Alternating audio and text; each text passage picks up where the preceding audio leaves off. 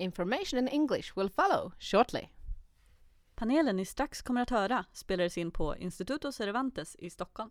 Instituto Cervantes är en offentlig institution som grundades 1991 av spanska staten för att sprida kunskap om den spanskspråkiga världens kultur och språk. Vi träffade Martina Perez, alias Magnus, serieförfattare och seriepodcastproducent från Uruguay. Vår panel med honom kom att handla om seriescenen i Uruguay kontra seriescenen i Sverige. Samtalet hölls på engelska och översattes till spanska av Magnus medan det pågick. Versionen ni får här är den nerklippta, helt på engelska. The following discussion panel took place in May 2014 at Instituto Cervantes in Stockholm. The participants are Magnus, Uruguayan comic artist and podcast producer, as well as Lisa Medin and Steph Gaines, comic artists who also run the Swedish podcast Manga Patriarkatet. The talk was originally translated on the go to Spanish by Magnus. However, this version has been edited to only include the English parts of the discussion.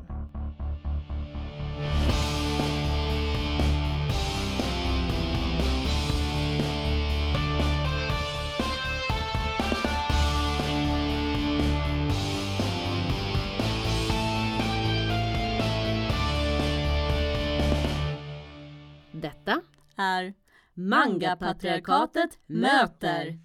I was born out of the country in Uruguay as well because my, my parents were um, political exiles as well. And I have a lot of friends that have, have been born in Sweden and then gone back to Uruguay or raised here. And Uruguay has a big debt with, with, with the country of Sweden because they took in so many of our countrymen when we, we needed uh, a place. Martina Perez, alias Magnus. Um, I actually came here to speak about comics because it's what I do, what I like. I'm, I'm a writer. I can't draw to stick figures together. I'm, I'm very bad at that. I'm lucky to team up with very good artists. Your Uruguayan comic book tradition in its origins is more about short comic strips like humor strips or graphic humor. The other genres like adventure or, or police uh, stories start actually coming out from, from imported comics like Tarzan, Tarzan or The Phantom. I know The Phantom is very big in, in Nordic countries. Uh, I actually like it a lot. Um, so I was saying one of the uh, big names in Uruguayan comic books is Julio Suarez, also known as Pelo Duro. It was one of his name uh, character names. He did what is considered the first graphic novel in the 30s.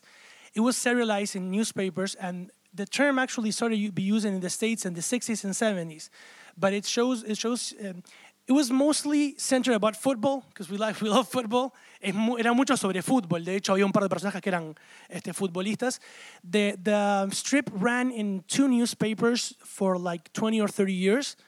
And, and when he actually made the switch from one newspaper to the other one, it was a big, big hit. And they, they announced it like they were uh, uh, hiring a new star player. In the 70s and 80s, because of the political climate in Uruguay, um, graphic humor and, and, and political satire became more important than ever because it was the outlet to say things that you couldn't say in other places for fear.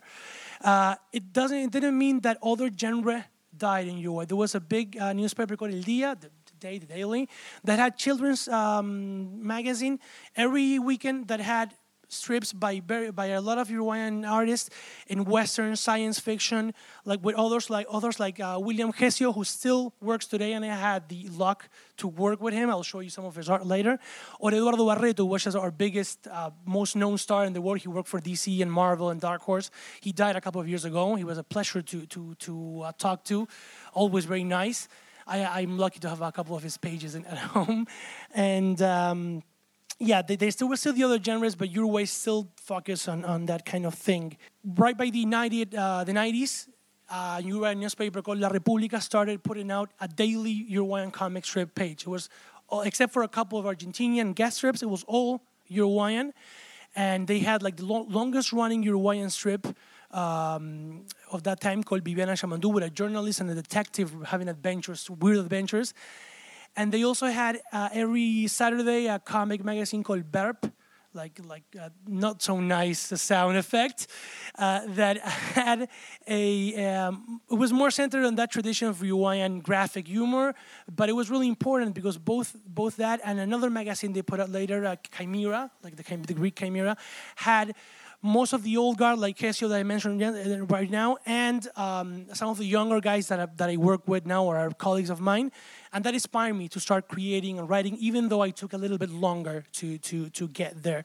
In Uruguay, in, from the 2000 onwards, if you wanted to put out a comic book, you had to do it yourself. I know in Sweden it's kind of like that. You you have some some government uh, um, help. I think we have it too, but at the beginning we didn't. I know that in, in Uruguay, for example, if you put out a prose novel and you publish it yourself, it's not well seen. It's what Americans call vanity press. But in, in comic books, it's the way to go. We didn't have a way. Actual book publishers in Uruguay don't publish comics except for a couple of, of, of uh, exceptions. So if you want to do comic books, you have to become an editor, a self-publisher. And we do have, bueno, paso en español, I could say it in Spanish first. As I was saying, the Uruguayan Ministry of Cultures in 2006 have a um, culture fund where it's an actual it's it's it's a merit co- contest you submit a project and they have different categories dance music cinema and there's one for animation and comic books and a lot of projects have come out of that, a lot of books. And I was uh, lucky to to uh, submit my project in 2012, and I put out the, the book Grimorio del Plata, Silver Grimoire, that is there for you people to take a look at. And I did it again in 2013 with a with a children's science fiction novel that I'm currently working. I was telling. Uh, the girls that we are working right now, but the, the guys are in Montevideo. I hope they're drawing right now while I'm here losing time. And uh, they have actually a rule that that if you win two years in a row, you can't submit a project the next year. So that to give people, other people, space. So if I want to put out a book next year, they're gonna have to do it on, on, on our own. But we have the know-how now. We we know how to deal with the printers and and the distributors and everything. So it's it's a really good help. I will submit other projects because it's too good an opportunity to, to pass up. So I was saying we're all small groups. My group is Gas Comics, there's Dragon Comics and Belerofonte and other ones. But Belerofonte and Dragon have started slowly publishing books by authors that weren't part of the original teams. So they're actually giving space and you can, you can uh, take an idea to them. There are contests and everything for, for people to, to, to participate. Ahora, that was like a, like a little show about what it was being done in history in Uruguayan comics and what is being done now. I didn't get to talk about myself, but that's not important. We can do it now about about uh, comics. I am the youngest of six brothers and sisters, and since I have a memory, I read even when I didn't know how to read the words. One of my sisters, the one that is next to me in age, I was like two or three. She was nine, ten, and she didn't read very good Spanish because she went to school in English. And so she, I would ask her, "What does it say there?" And she would embed, make it up in English. in my house, we never made a distinction between books and comic books. We're all books. Everything is a way to tell stories. Comics is just another way. There's nothing weird about it. My, my father was always a big reader. He's a lawyer. He prefers law books. I don't. But my, my maternal grandfather was a lit- literature professor as well. So, so there was always books. And my brothers, older brothers, read a lot of comic books, and I inherited a lot of them. In by by 2002, apart from the very important thing that I got married, the first Uruguayan comic book convention was uh, held, Montevideo Comics. I was one of the, the team that make, they made it. And I wasn't writing there, but I started being in contact with, with other writers. We started um, in 2009. I made my first script. It took me long enough, I think. But uh, for Uruguayan magazine called Cisplatino, which had a like, Uruguayan hero, but they had a little magazine with, with guest uh, stories. In 2009, also Gas Comics was founded, and I started writing other stories. In 2010, we put out our first digital magazine. In 2011, our first print one. And in 2013, we had our first book with a printer, with the ISBN and everything. And if you're raised uh, surrounded by books, it's like, wow, it's an actual book. I made it. Even though I'm a digital age artist, I'm a digital age uh, creature. And even but i work a lot by internet with artists outside uruguay but even the guys that are in the same city like 20 minutes uh, away by bus we still work by the internet because everybody nobody actually can live only from comic books in uruguay. So we we have other works i have my son and everything so we end up sending everything by mail and getting together once in a while. We started doing the the um, print anthology a fanzine um, with, with mostly my scripts but then other people joining in working with Uruguayan and artists from other places, like the Portuguese artist that does this comic, but also with people from my age and people oh, old. I mentioned Kesio, another author that's, that from the 60s or 50s is working. He's been doing comics a longer time than I've been alive. And the guy still draws my, my scripts like I was a peer. He never complains. He, he, he, he considers me, as, and that is fantastic. Right now, we had the book that we bought last year and the book that we're doing this year that is a science fiction adventure for kids. It's the first thing we do for children. I like to write the stuff I like to read and the stuff that my kid likes to read. So, and I'm putting out two weekly web comics. Uh, my autobiographical strip, which is in English and Spanish, and Portento, the superhero one, that is in English, Spanish, and Portuguese because the artist draws it. So now I think it's time for you. Uh, your autobiographical strip, um, do you have um, an artist who draws that too? Or do you draw No, it? no, no. I've drawn a, a couple of my own strips, and it's better to protect people from that kind of horror. I'm not good. Eh, bueno, traje la computadora está ahí. Traje imágenes de lo mío que le puedo mostrar. I'm going to show quick slideshow of my own work. This was actually drawn for the book by an Argentinian author, but he's from the Argentinian province called Entre Rios, which is right next to Uruguay. So it's basically very, it's closer to us than some of the other Argentinians. And actually, when we presented the book in Salto, which is a city up north near Argentina and Brazil, his trip was shorter, even though he was coming from another country than ours. This is well, Lisa. Lisa does a, story with music as weapons. This is a double spread from the from the book, which in the book it couldn't be in color, but we had it here for people to show. This is a, a vampire hunting uh, team that is also a rockabilly band. this is the book is actually has three chapters one about werewolves one about vampires and this one is about zombies it was drawn by carlos lemos carlos and federico the author from the last page are my two partners in the in the uh, imprint and this is actually like a like a police um, uh, police thing in in, a, in one of the dangerous neighborhoods in montevideo uh, where people have actually turned into zombies People asked me if it was social commentary, if it was being political. It was, no, it's a story about zombies. They, they asked me if, if the werewolf story was about uh, um, domestic violence. I was, no, not really. I, I didn't think that far. This is actually me when I was like 15 with my best friend. We had gone to McDonald's to watch girls, to look at girls, and we bought one small Coke between the two. Coke. We're, they took, we went to the bathroom and they threw it away, so we complained and they gave us two. I was in Europe, in, in, France and Spain, was little with my parents, and I actually peed on the um, Bridge of Avignon in France, in Catalina de Medici's favorite summer house, the region of France, and I did that. Those are my parents. My mom passed away last year, but she also always, always, uh, she helped me do my first uh, little yeah, my, my father when he had hair. Because this is actually a little dream, but it ended up with me in bed. So it's it. I get to to play with other things like history and space, even though it's an autobi- autobiographical. I have a vivid imagination. This is the, the, the book I do with a Portuguese artist. That's the, the langtopus, an octopus that walks on land she made up. And you can actually see it behind, but behind it is the, the uh, city hall in Montevideo. The artist has to draw a city that she never stepped a foot on.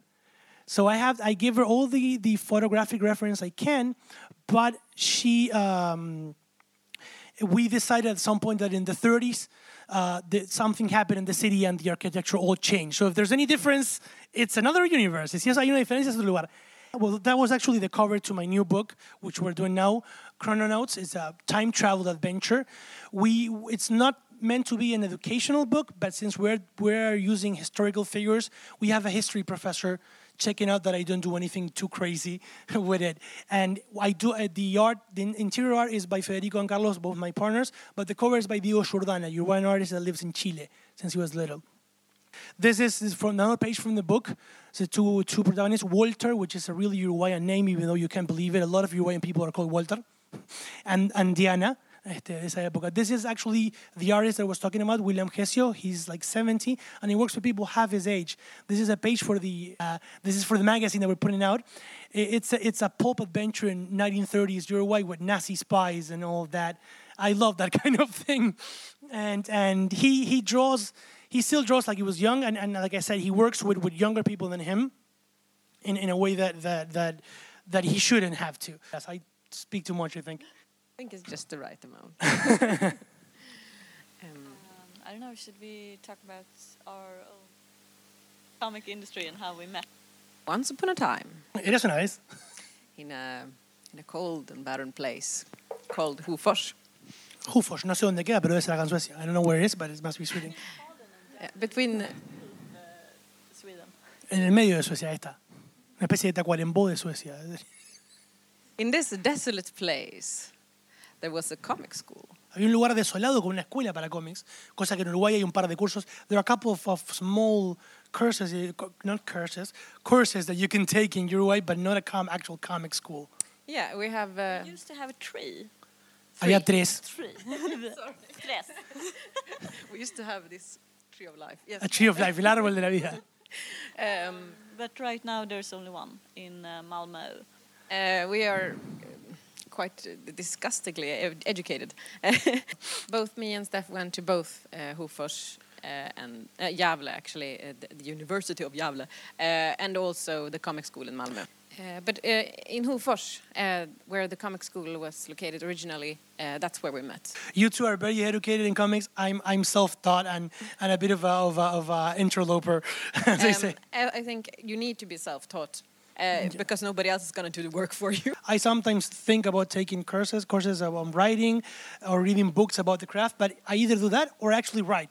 I have no time for both. I, can, I think uh, mm, because that's the problem. I think everybody who works with comic faces that you want to better yourself, uh, and you want to actually study and learn, uh, but at the same time you have to put the work into your own stuff. Backtracking a bit, uh, when we both came to this school, uh, we both had uh, grandiose dreams of awesomeness and great things, but we were like 20, so we were blissfully unaware of the fact that we sucked. However, there were a lot of people in the school uh, that also had grandiose dreams. Uh, and in a way, those people, no matter how bad we were back then, uh, we, have, we have become what is the comic market today. I, I would like to think that we do not suck anymore, because I'd like to think that the things we have created in the past years are quite astonishing. Uh, It's my thing. I, I also read things that I did three years ago and I say, oh man, how could I write this? And, and I still do that sometimes. A veces lo hago ahora, pero estoy un poco más conforme y un poco más confiado. I'm a bit more confident in what I do now. Yeah, it's the same for us, and uh, I'm really hoping that uh, I get better by each year because we can all get better at uh, both the production of the comics, but also at helping each other. And uh, I wanted to point out that that's the most important part of the comic school in Sweden, what have uh, been for us to meet friends and just uh, latching on to that, when I talk about uh, 2005, uh, I refer to that year as the year when I met everybody. So I was saying it's kind of the same when I started working in the convention and meeting people. Rodolfo Santullo, one of the writers, I show a couple of his uh, pages. He did, was a great support. He actually did the prologue, hizo el prólogo de, de mi libro. And when I presented my first project to the ministry, he actually lent me the, the file from his previous one so I could use it as a model. And, and it was a great help. It's, it's about networking and meeting people as well, yeah. Yes, uh, really, really, really. Uh, the first time I attended the Comics Festival, which is uh, taking place this week in Stockholm, um, I met some of my great idols, which I've been re- reading comics about since I was very small, and I just walked around uh, like to the table and then away, and then to the table and away, and uh, dared to speak. And when I started to speak about uh, I, you're a huge inspiration, answer I got was, "What do you draw? Should we become friends?" And Yeah, about that, uh, exactly. When I was at my first big uh, comic festival here in Kulturhuset, uh, and I had been tricked to print like a hundred uh, copies. Nobody sells a hundred copies. Uh, but as it turned out, a hundred was quite a good amount. But I didn't know that back then. But uh, then um, a big idol of mine walked past my table, uh, Åsa Grennvall. Uh, she had, uh, when I was in uh, senior high, I rediscovered Swedish comics, and her comics was one of the first comics I was reintroduced to. Like, What is her holy name, sorry? You can make comics. Her name? Åsa Grennvall, uh, she's like the Ingmar Bergman of the Swedish Okay, comedy. I'm sorry. I'm gonna mangle a lot of the Swedish names because I'm not used to it. Even though my name is my right name is Magnus, I'm not Swedish. I can fool people maybe. Este, no, ma- So um, she just walked by, and uh, I, I turned into a little child or something. Uh, I was 19 at the time. I just stood up and gave her a copy of my fantasy science fiction comic, and was like, "Please have this. I'm a big fan." Um, uh, and she, she looked at me and said, "I love you," and gave me a bunch of flowers. sí, sí, bueno, la- te amo y le abrazó. Uh, so yeah, um, Åsa, I know I can talk to her normally, uh, and I can talk to pretty much everybody normally. But back when I started out, when I entered my first festivals and everything, uh, all these people seemed so unapproachable, and it never. I never figured I could just become an artist by making comics and actually being there. As I was saying, I there's there's an author that's coming, uh, Kate Beaton. That's one of my favorite authors. And when I learned that she was coming here, I squealed like a little girl. I brought her books, and I'm going to be exactly like Lisa was that day. I hope I can be professional, but I don't think so. That's our plan as well. well, uh, there seems to be a lot of similarities. Uh, act- because yeah, yeah. Yeah. Here, here we have some of uh, Lisa's works. Esto es un poco el trabajo de Lisa. Um, well, I was thinking about uh, the Swedish comic industry have um, some similarities with what you tell about the Uruguay one, uh, since no one is making much money. Well, some are, and I can count on one hand. Don't pick it, don't pick it, don't pick it. Um, and um, the the Swedish comic scene is pretty small. We have some big companies which are part of uh, big uh, book companies as well. That is Uh, one difference with Uruguay. yeah. I was saying Europe has a different tradition of comics as actual ballad culture. France and Belgium have big industries of that. South America doesn't actually have that kind of thing. Yeah, but we have a lot to learn from the French as well. Well, I guess, but you're closer. Tiene mucho que aprender de Francia, pero están empezar acá. We all do. Uh, um, but Um, uh, a friend of us, uh, Sylvain Runberg, is uh, working. Uh, he's, he lives in Sweden, but he works a lot towards the French comic industry. And he was uh, at a dinner telling a friend that he's currently working with making a comic version of uh, the Millennium uh, books. Yeah, the studios. Yeah, and she answered like, "But how can you make a comedy out of, that? Because that's what she was thinking comics is about. It's just well, fun." it doesn't just happen anyway. I've seen some comics that I wouldn't let my kid touch with a, with a 20 foot pole because they're definitely not apt, even for some adults and, and less for kids. It's como yo decía. Es una forma de contar historias, o sea, historias de todo tipo. It's just a way to tell stories. There are funny stories, there are uh, erotic stories, or violence, and, and it's just a way of telling stories. Uh, well, we did have a part in uh, Swedish comic in, uh, history when we had a lot of adult comics, um, especially with a big company called Epix, um, which uh, also brought some of the French comics into the Swedish comic. um, yeah, I'm just latching onto this. Um, uh, Epix uh, published comics that were intended for an uh, adult audience, uh, but since Sweden hadn't really been exposed to adult comics before, especially not as well executed as these comics, uh, they were misunderstood basically. Uh, but then it actually. Um, it planted the seed that comics could be adult comics and comics could be for a bigger audience. So a lot of people started drawing comics with that in mind, and a lot of people who bought the comics back then, uh, because there were several magazines, and I didn't know how well they sold, but they were out there and they were visible.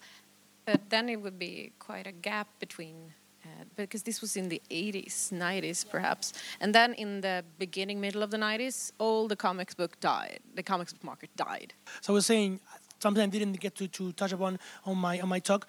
Uruguayan comics has those uh, cycles as well. We had a lot of stuff in the '60s, then nothing in the '70s and '80s. Then the '90s died. The 2000s. Now we have something more structured. Even though if it's, it's tomorrow the Ministry of Culture said there are no more no more grants, we still are doing comics and people have like a structure already in place to do them and the same way that people that had some experience before me helped me i try to work with people that are just starting and and also since i don't draw i need to get artists But the thing is, just like you said, even if there is no money, people will still make comics. So during these dark years and nothing came out, uh, there was still Galago, um, this quite big publishing house. Uh, they were struggling, but they were alive and they were putting out books. Uh, and in the beginning of the 2000s, 2001, that's when I rediscovered comics. Because uh, I did not know actually uh, before 2001, and I, I moved to Stockholm when I was 16, uh, and I walked into a comic shop. Comic shop, that's just whoa.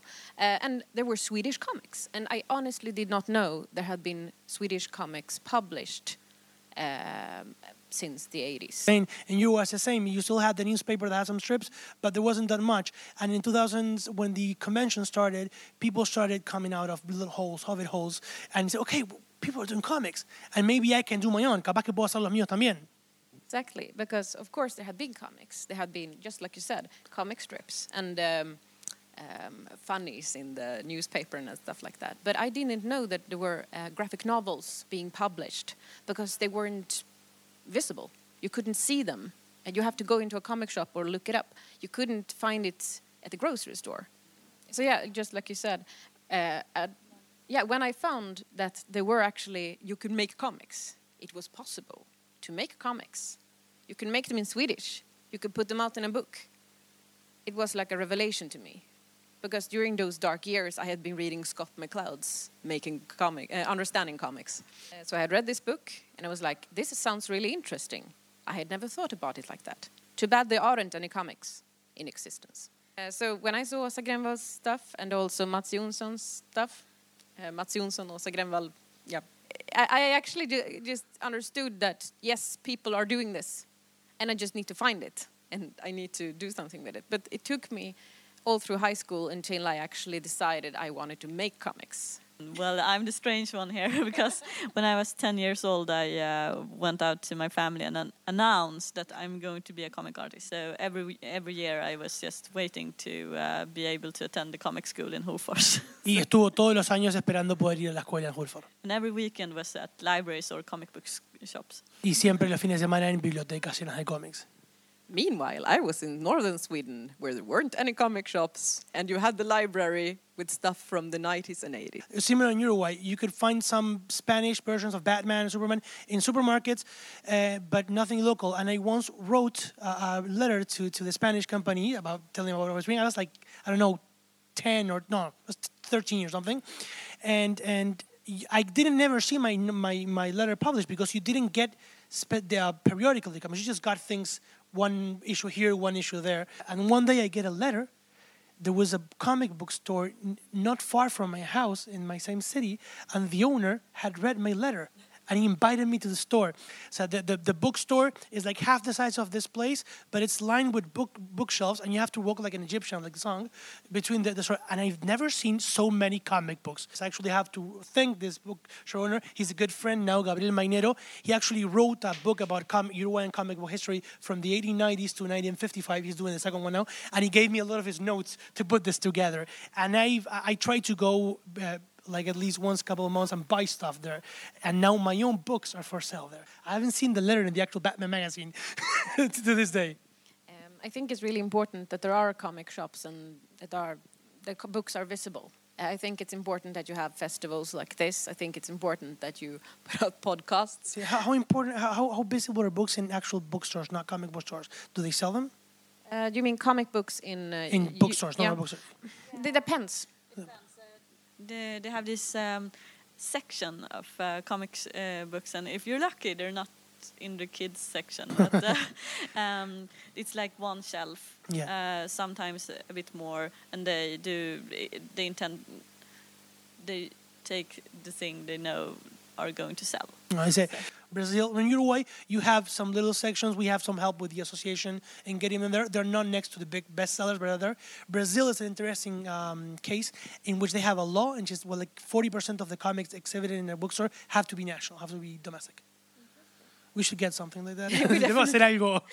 Uh, but I think the the biggest um, uh, problem I, I use the word problem a lot, but uh, one of the b- biggest things to strive for, I think, is to make comics recognized by the people who do not read, uh, read comics yet. Well, I never made a distinction between books and comics, and people need to be taught how to do that. Just read. They're reading material. I was saying there are comics for everybody. You like police with detective novels, you can read it. There are political thrillers. There are, for example, Art Spiegelman's Maus is a big comic book, and it, there's not a single cape or giant robot to be seen anywhere. Fue crudo leerlo. It was hard for me to read, and, and imagine for a kid. You know, imagino un niño.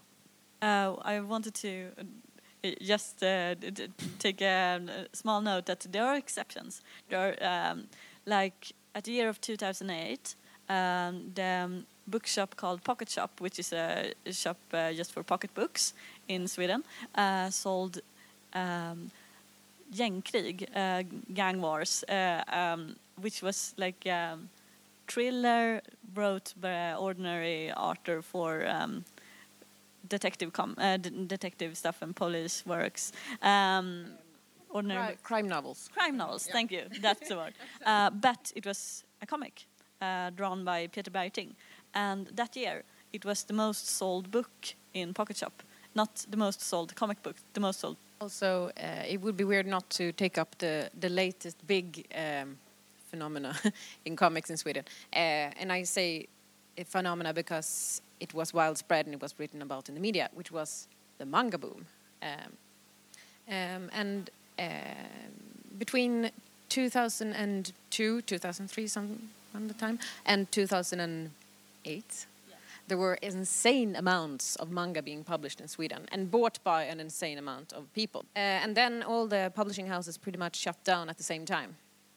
And the funny thing is, it, they didn't particularly sell bad. They just didn't sell insanely good anymore. They just sold okay, which isn't good enough. they, need, they, sort of- ma- they need to make real big profits in order to make it at all. Uh, and this clashes with how comics traditionally are published in Sweden because you usually don't get that much profit from it. You make No, it because it's important. we don't make a lot of money either.